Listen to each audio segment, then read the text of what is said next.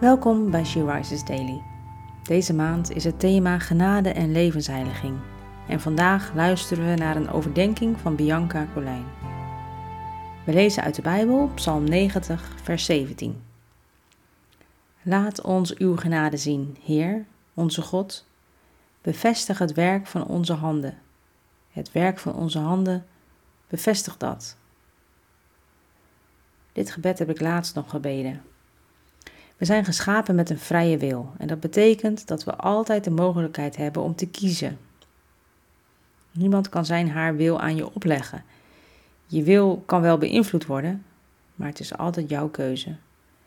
En de vorige keer schreef ik over Gods plan met je leven, en, of eigenlijk hoe past jouw leven in Gods plan.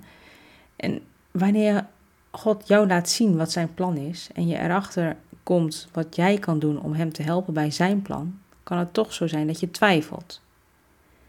Zo heb ik een aantal keer een verkeerde keuze gemaakt. Ik was er zo van overtuigd dat God iets van mij vroeg, maar het pakte anders uit dan ik had verwacht. Heb ik God dan verkeerd begrepen? Hierdoor durfde ik niet meer een keuze te maken, want stel dat het weer verkeerd heb. Ik heb met die vorige keuzes een aantal mensen gekwetst en dat wil ik niet meer tot ik deze tekst uit Psalm 90 las.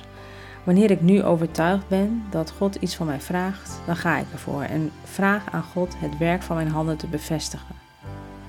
En dankzij Zijn genade mag ik weten dat, ook als het fout gaat, Hij nog steeds onvoorwaardelijk van mij houdt. En daarom bid ik, laat ons uw genade zien, Heer. Onze God, bevestig het werk van onze handen het werk van onze handen bevestigt dat.